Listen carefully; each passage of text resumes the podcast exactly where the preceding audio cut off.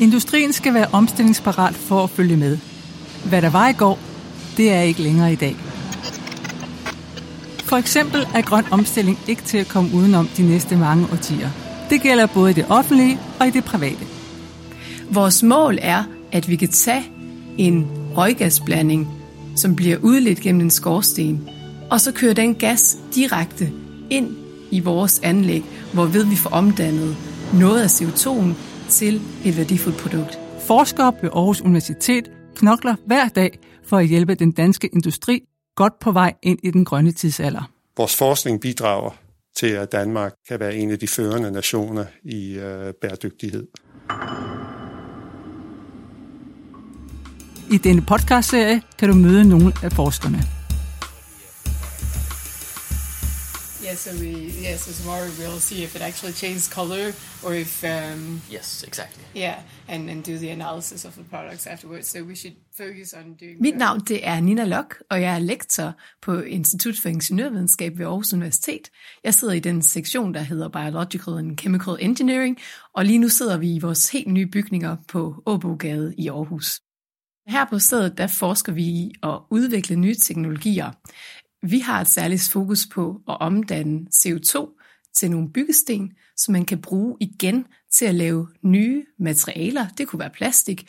Det indgår også i produktionen af for eksempel lægemidler og agrokemikalier.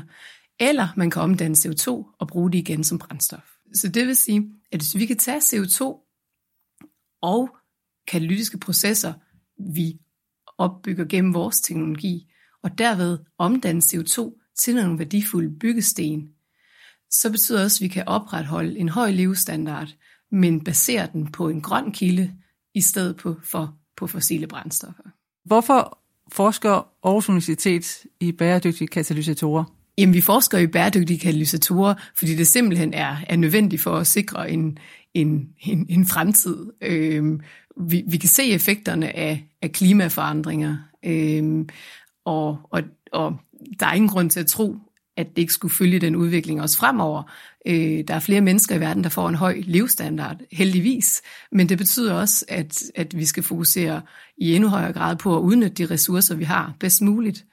Og jeg kunne forestille mig, at netop fordi olie er en begrænset ressource, at fremadrettet vil man begynde at bruge olie anderledes. Altså det vil sige, at i stedet for bare at brænde det af, at olie så kommer til at blive brugt til mere værdifulde produkter. Og det vil sige, at øh, bruge det til, til fremstilling af, af plastik og agrokemikalier og andre ting, i stedet for at vi bare tager noget, som, øh, som har en ret høj værdi og brænder det af. Men det vil også sige, at vi skal også finde nogle alternativer, både til den kemiske industri, men bestemt også til, til brændstoffer. like ion chromatography Yes, to yeah. to detect the products both in the liquid phase and the gas phase. Yeah. Industriens motivation for at tage vores forskning til sig vil blandt andet være, at de kan være med til at være forgangseksempel øh, for omverdenen på, hvad den grønne omstilling vil sige, på at have en øh, grønnere øh, produktion, eller en produktion også baseret på øh, genanvendte carbon byggeblokke, hvis man kan sige det på den måde. Men det vil sige altså ikke udelukkende at basere deres produktion på, på fossile brændstoffer, men også basere en del af deres produktion på øh, CO2-omdannede produkter. Hvad er fordelen for dem?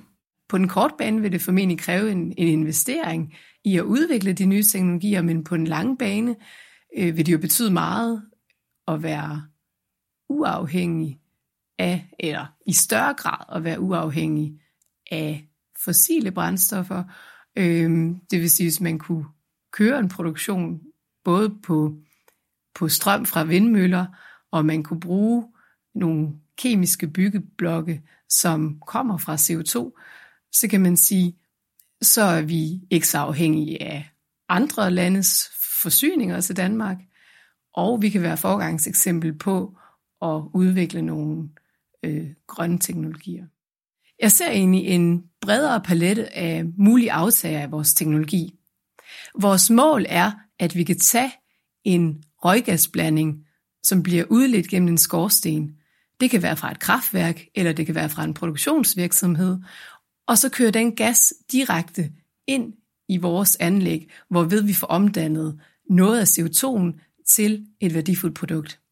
Det betyder overordnet set, at vi vil udlede mindre CO2, og vi vil få et produkt ud i den anden ende, som kan bruges til videreforarbejdning, eller som kan sælges til en anden industri.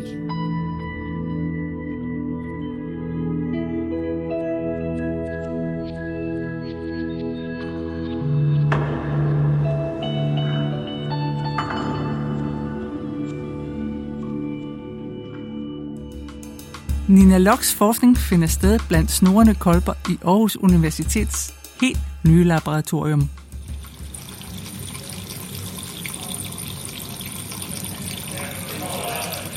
Så i min gruppe har vi fokus på CO2-reduktion i form af det, der hedder foto- eller elektrokatalyse. Det vil sige, at vi enten bruger lys eller strøm til at drive de kemiske reaktioner. Strøm, det kan være overskudsproduktion fra vindmølle, elproduktion og vores lysdrevne reaktioner.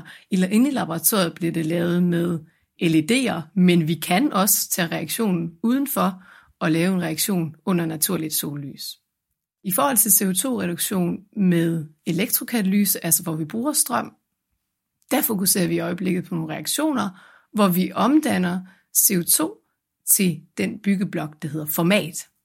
Så lige nu har vi lavet det på laboratorieskala, det vil sige på lille skala, men en kollega fra Institut for Ingeniørvidenskab er ved at bygge et anlæg for at se, om vi kan opskalere det. Netop for at se, kan vi gå, gå fra kun at arbejde med få milliliter og, og, og en lille volumen af CO2, men faktisk til at kunne imødekomme det, der er vores ultimative mål, netop at vi kan tage en røggasblanding ultimativt fra, fra en, en, en virksomhed eller et kraftværk. Så det, at vi kan opskalere ting fra, fra lille skala til større skala i en sådan det, der hedder en flow-reaktor, det gør også, at vi er tættere på at have udviklet en teknologi, man også vil kunne implementere senere. Men man kan sige, på det stadie, der er nu, der skal vi jo så først teste, om de katalysatorer, der virkede på lille skala, om de også virker på større skala. Nogle af de udfordringer, der kan være, at vores katalysatorer skal jo ikke bare fungere øh, natten over, som typisk er den tidsskala, vi ellers har kørt vores reaktioner på. Vores katalysatorer skal virke over meget længere tid, fordi det vil være alt for dyrt, hvis de skal udskiftes hele tiden. Og så kan man også sige, så forsvinder noget af det, øh, det bæredygtige teknologi, vil også forsvinde, hvis vi hele tiden skulle regenerere vores, vores reaktorsystem. Mm. Hvilken betydning har det for jer, I har nogle samarbejdspartnere uden for universitetet? Det er altafgørende, at vi har nogle samarbejdspartnere uden for universitetet.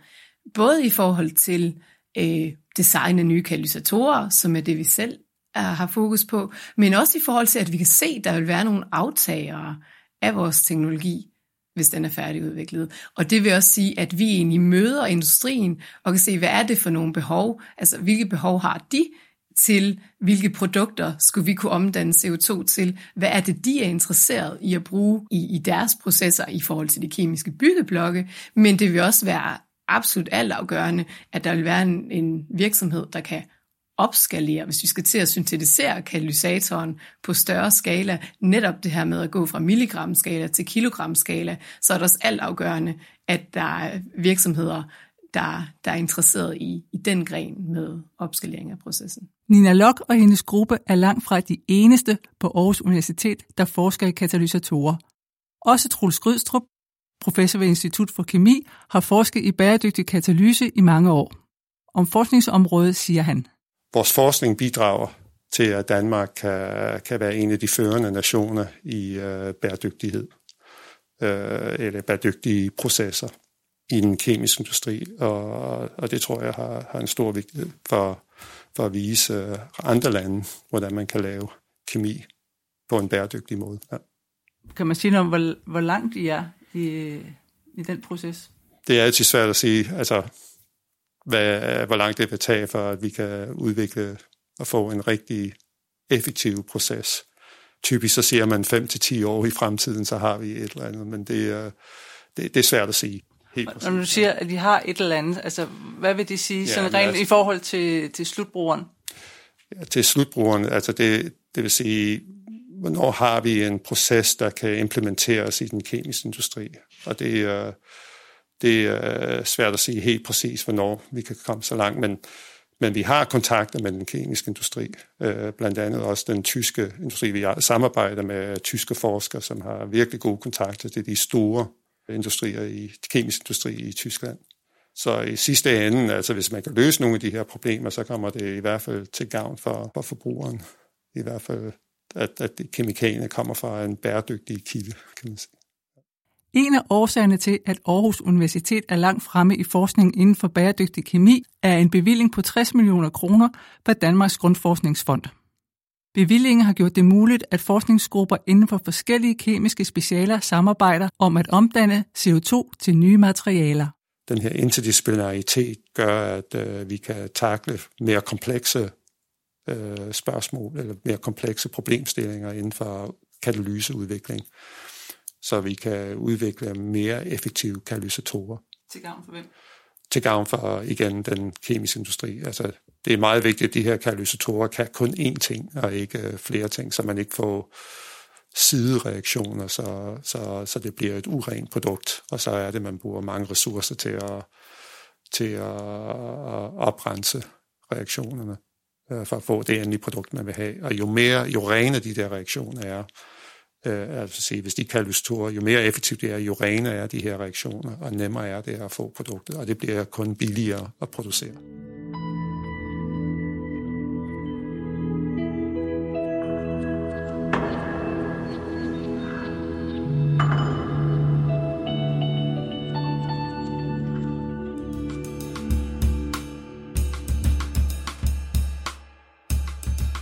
Min personlige motivation er, at jeg gerne vil bidrage til den her grønne omstilling. Jeg mener, det er enormt vigtigt. Jeg mener, det er vigtigt, at vi i Danmark er forgangsland. Jeg mener, det er vigtigt, at vi uddanner kandidater fra Aarhus Universitet, som senere kan gå ud i virksomhederne og have den her, øh, og have den her øh, tanke om bæredygtighed og øh, hele tiden har for øje, at at alle de ressourcer, vi har, er endelige, så det vil sige både vores olie, men også de materialer, vi senere skal lave til, kataly- til katalysatorer. I, I sidste ende, så skulle det gerne være noget, vi som samfund får gavn af, men det kræver jo også, at der, at, at teknologierne skal tages i brug. Så det vil også sige, at der skal være industrier, der vil gå ind i og bruge øh, byggestenene, som er som er baseret på de her teknologier, i stedet for at bruge fossile brændstoffer. Og det er nok i starten en svær problematik, fordi olie kan vi jo i hvert fald indtil videre bare grave op af jorden, og på den måde øh, egentlig holde prisen nede, og det er en, vi har stadig nem adgang til det. Hvorimod, hvis man skal have den her grønne omstilling, så kræver det også, at man investerer i udvikling af de nye teknologier, både på universiteterne og industrielt, øhm, og at man derved kan øh, ligesom kan, kan opbygge en grøn profil, både for samfundet og for industrien. Også hvis vi sætter det lange lys på, får vi brug for at kunne omdanne CO2. Det vurderer Troels Grydstrup. Sådan lidt science fiction-agtigt, det er, at, øh, at noget af, det her, af de her øh, kemi kan måske også bruges i, øh, op på Mars. Fordi i fremtiden har vi planer om at, at, at rejse op til Mars og kolonisere Mars og, og omkostninger for at, at transportere materialer og alt muligt op til Mars øh, er enormt høje, fordi det kræver enormt høje, meget, altså meget brændstof for at få, få det ud af, ud af jordens øh, tyngdekraft. Øhm, men på Mars er atmosfæren 96% CO2. Så det vil sige, at der er en enorm kulstofkilde deroppe på Mars, som man måske kunne bruge til at fremstille de polymerer, man, eller plast, man har brug for, eller, eller andre typer materialer, man vil have brug for, eller også brændstof, for den sags skyld.